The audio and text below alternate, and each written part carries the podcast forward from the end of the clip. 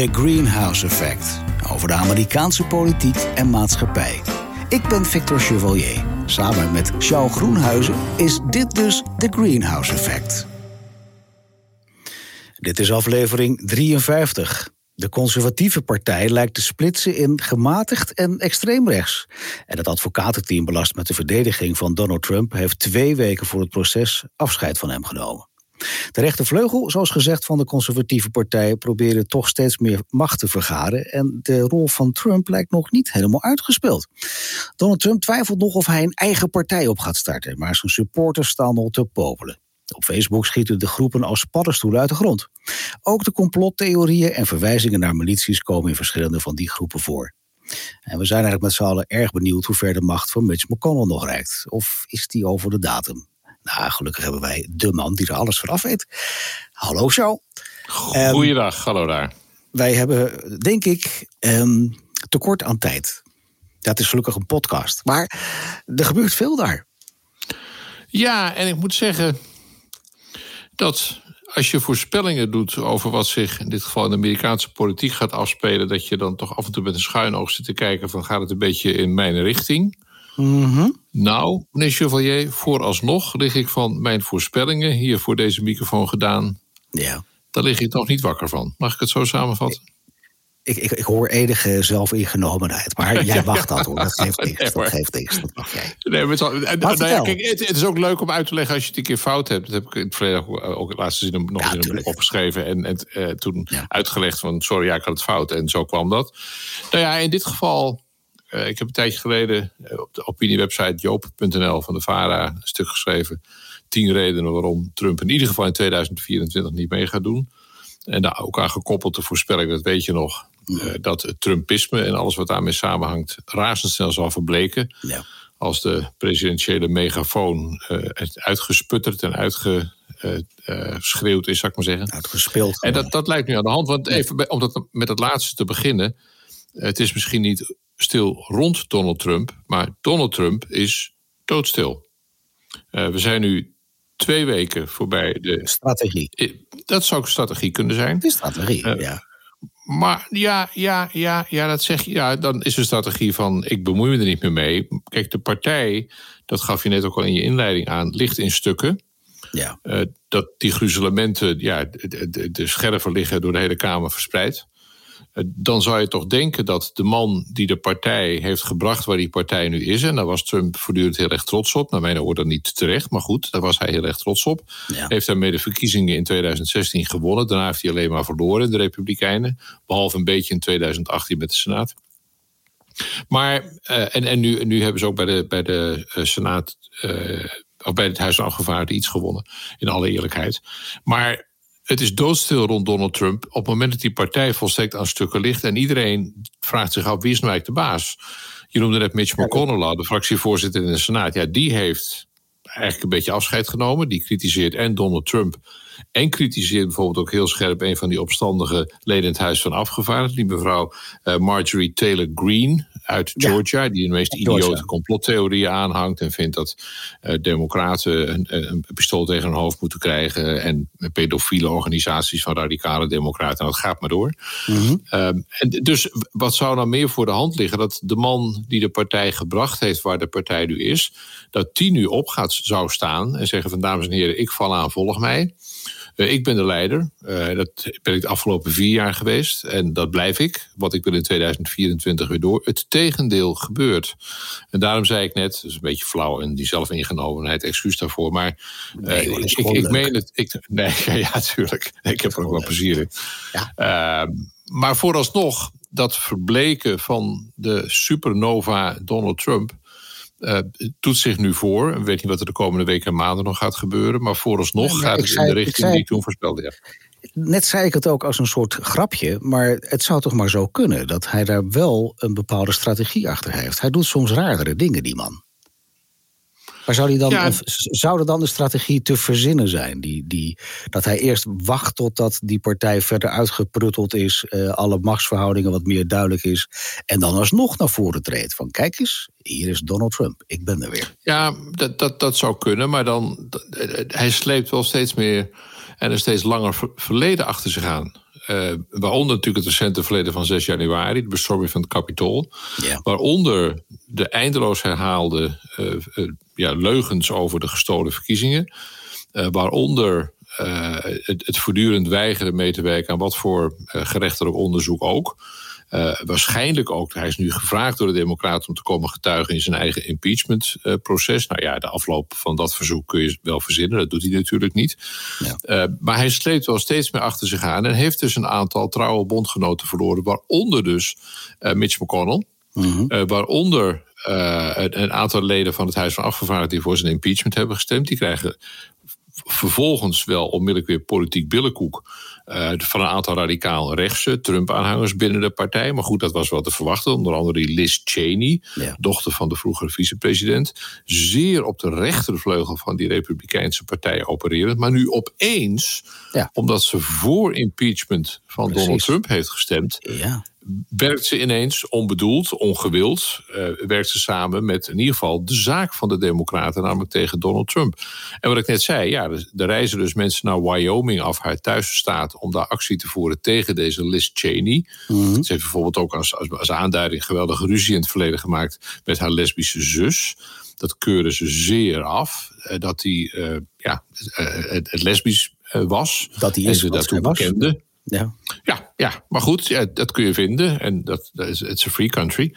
Ja. Uh, First Amendment, vrijheid van meningsuiting, dat mag allemaal. Maar in die, in die hoek zit Liz Cheney. Ook als het gaat om uh, uh, wapenwetgeving, dat soort kwesties, zit ze echt op de rechtervleugel. En ineens, als het duveltje uit een doosje zegt ze: Trump moet weg. Ja, ja, dat was wel opvallend. En daar, heeft ze dus, daar krijgt ze nu straf voor. En, maar ook daarvoor geldt in de fractie van het Huis van Afgevaardigden van de Republikeinen is daar donderdagavond over gestemd. En ze heeft steun gekregen en ze wordt niet weggestuurd. Nee. Dus ja, maar ja, dus de partij ligt in stukken en, en, Trump is stil. Op het moment dat, dat, dat echt het, het water over de, over de gangboren klotst. Nou ja, dan, dan, dan, dan, jij bent goed in voorspellingen doen. Dus stel even dat het verhaal uh, blijft staan zoals het is. Dus die versplintering aan die rechterkant. Uh, Donald Trump die, die, die heeft misschien het heel druk met zijn impeachment. Die, er gebeurt niks. Durf je dan ook te voorspellen uh, hoe dan de toekomst er voor de Republikeinen uit gaat zien dan? Gaat er weer toch een samenklontering ja, komen? Of gaat er toch een splitsing komen? Wat is het idee? Nou, je kunt dit, je kunt dit niet meer lijmen op een, op een manier die, die mogelijk is met de bestaande leiders. Uh, met, en, en, leiders zijn in dit geval Donald Trump, die McCarthy uh, in het Huis van Afgevaardigden, Mitch McConnell in, in, de Senaat. De zaak ligt nu te ver uit elkaar. Ja. Uh, en, en als je simpel kijkt gewoon naar de cijfers, dan hebben de Republikeinen het de afgelopen jaren gemiddeld echt bij de verkiezingen ontzettend slecht gedaan. Vooral als je weer even naar de popular vote kijkt. Je weet, daar hou ik van, van die popular vote, want dat zegt echt iets over wat er leeft onder Amerikanen. Ja. 2016 met 3 miljoen stemmen de presidentsverkiezingen verloren, nu met 7. Uh, ze hebben nu en in het Huis van Afgevaardigden en in de Senaat voor het eerst in jaren hebben de Democraten hebben de meerderheid en de Republikeinen zijn hun meerderheid daar kwijtgeraakt. Heel simpel. Dus op het moment en dat spoort ook met alle opiniepeilingen. Als je mhm. nu, ik heb er van de week nog over, over getweet, als mensen het leuk vinden, moeten ze het even opzoeken. De opiniepeilingen over wat vind je van Joe Biden en wat vind je van Donald Trump. Nou, we hebben het eerder besproken. Trump heeft dat slechter gedaan dan welke voorganger, ook teruggaan tot Eisenhower 60, 70 jaar geleden. Echt nooit in de buurt van de 50% approval rating, goedkeuring gekomen, altijd ver daaronder. Joe Biden zit er nu vanaf dag 1 ver boven. Dat is een verschil van bijna 20 procent. Okay. Uh, dat, dat Biden beter scoort dan Donald Trump. En als je die twee gegevens, Victor, bij elkaar voegt, het aan stukken liggen van de partij in de, het congres aan de top, één. En twee, een ruime meerderheid van Amerika die structureel zegt: ik keur het beleid van Donald Trump nog steeds af. En een ruime meerderheid die zegt: het beleid van Joe Biden approve ik, keur ik goed. Die feiten bij elkaar zijn een recipe voor total disaster. Alleen hoe, dat, hoe die ramp eruit gaat zien, of het schip uh, voorover de golven induikt, toch op zijn kont zakt, of naar links of naar, uh, naar bakboord wegzakt, dat, dat weet ik niet. De dynamiek van wat zich nu afspeelt ook afgelopen is zo groot. Ja. Dat, ja, dat is gewoon zoals nu met die Marjorie Taylor Greene, met alle gekkigheid die ze beweert enzovoort. Ja. Dat, ja, nee, dat had ik natuurlijk ook niet voorspeld. Dat, dat kun je ook niet Zelfs voorzien. Groenhuizen had dat niet voorspeld. Nee, nee, nee, nee ik, heb er, ik heb er gewoon letterlijk niet aanzien komen. Nee. Als misschien beter had opgelet, dan had je oeh, die Marjorie Taylor Greene moet je even in de gaten houden. Nou, ja, het heeft zich aan mijn waarneming onttrokken tot nu de afgelopen weken al die gekkigheid naar buiten kwam. Maar dat zou dus ook betekenen, als deze lijn zich doorzet, dat het een hele comfortabele positie voor de Democraten wordt, ook in 2022. Ja, tenzij ze het weer verknallen. Daar zie je ze toe in staat, hè? Nou, dat hebben ze vaker gepresteerd. Ja. Uh, en, en, en ja, heel veel hangt af van uiteraard om te beginnen Joe Biden en vervolgens van Kamala Harris. En dat is niet goed voorspelbaar hoe dat uiteindelijk valt. Ik vind het een bekwame mevrouw en volgens mij is het een hele goede keus. Maar of zij rijp is om zometeen in 2024 de presidentiële kandidatuur te dragen en tot een succes te maken, vind ik lastig voorspelbaar. We moeten ervan uitgaan dat Joe Biden over vier jaar toch langzamerhand wel eh, richting uh, uitgang gaat.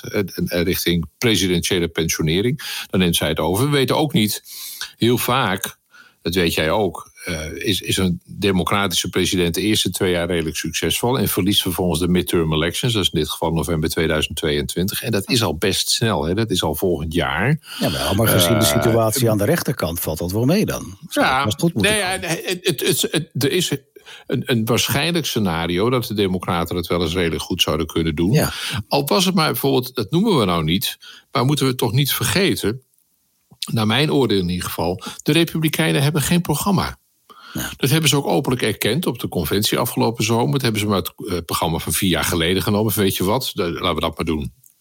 Terwijl de afgelopen vier jaar, denk bijvoorbeeld aan de discussie over klimaat, ja. uh, misdaad, economie, uh, corona. Het is tot potjan dikkie wel iets te verhapstukken uh, in, een, in een politiek partijprogramma. Nou, daar waren ze even niet aan toegekomen. Nee, het is vooral zich verzetten tegen de Democraten. Heeft die Mitch McConnell de afgelopen jaren fulltime gedaan. Het is vooral een, een soort politiek evangelie preken van terug naar vroeger. De goede oude tijd. Nou, waarvan jij en ik weten, die was wel oud, maar niet goed in heel veel mm. gevallen. Maar goed, daar willen ze naar terug en een deel van hun aanhang. Bijvoorbeeld een veelzeggend uh, feitje, wat, waar ik dan toch wel uh, in Utrecht over zit te grinniken. Uh, de, stop de stiel, weet je nog? Stop de gestolen ja. verkiezingen. Ja. Trump zei dat, zijn aanhang, op petjes stond het, op t-shirts, op spandoeken. Vervolgens blijkt dat een aantal van de Jodokers die nu gearresteerd zijn, niet eens gestemd hebben. Die hebben niet gestemd op 3 november. Nou, dat mag, dat is niet verplicht. Maar daarbij zie je, en dat is een onderstreping van wat ik nu al vanaf het begin steeds roep: het is geen beweging. Het is emotie, het is boosheid, het is verongelijkheid, het is frustratie. En allemaal zie ik ook, dat, dat, dat klotst tegen de plinten. Maar het is geen beweging. En nu ook er geen leider blijkt te zijn.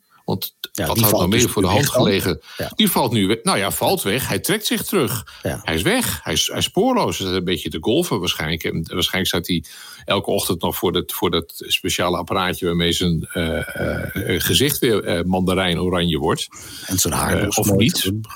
Ja. ik ben wel benieuwd hoe hij eruit gaat zien als hij dat een dagje niet doet. Maar hij, hij, totale onzichtbaarheid. En in die partij is ook de ontreddering totaal. En in een soort wanhopige ontreddering rennen ze nu in meerderheid, maar toch in ieder geval achter het Trump-achtige programma aan. Met een onzichtbare Trump. Het is echt, het is te krankzinnig voor woorden. Maar ja, er zijn dus eigenlijk dan, dan, dan meerdere groeperingen. Uh, je hebt het over dat, dat uh, de mensen die het kapitool naar binnen ge gekomen zijn... die vergelijk ik ook een ja. beetje met die, met die Nederlandse relschoppers... waar naar mijn beleving ook een, een, een volkomen apolitieke motivering achter zit. Het is alleen maar redden. Maar dat neemt niet weg dat ook op het platteland er nog steeds Trump-aanhangers zijn... die nog steeds vinden dat die conservatieve partij veel rechtser moet zijn... dan dat ze eigenlijk in zijn algemeenheid de afgelopen jaren waren. Um, nu zeggen ja. we wel van nou, Trump is even buiten, buiten beeld. Maar ja, ik blijf het maar herhalen. 74 miljoen stemmen had die beste man nog altijd. Dat is niet morgen ja, weg. 81. Ja. ja. dat is niet morgen. Nee, dat is ook niet, dat, nee, dat, dat is ook niet weg. Maar dat, dat, dat hoeft ook niet weg te zijn om toch te winnen. Als je één stem meer hebt, dan heb je gewonnen.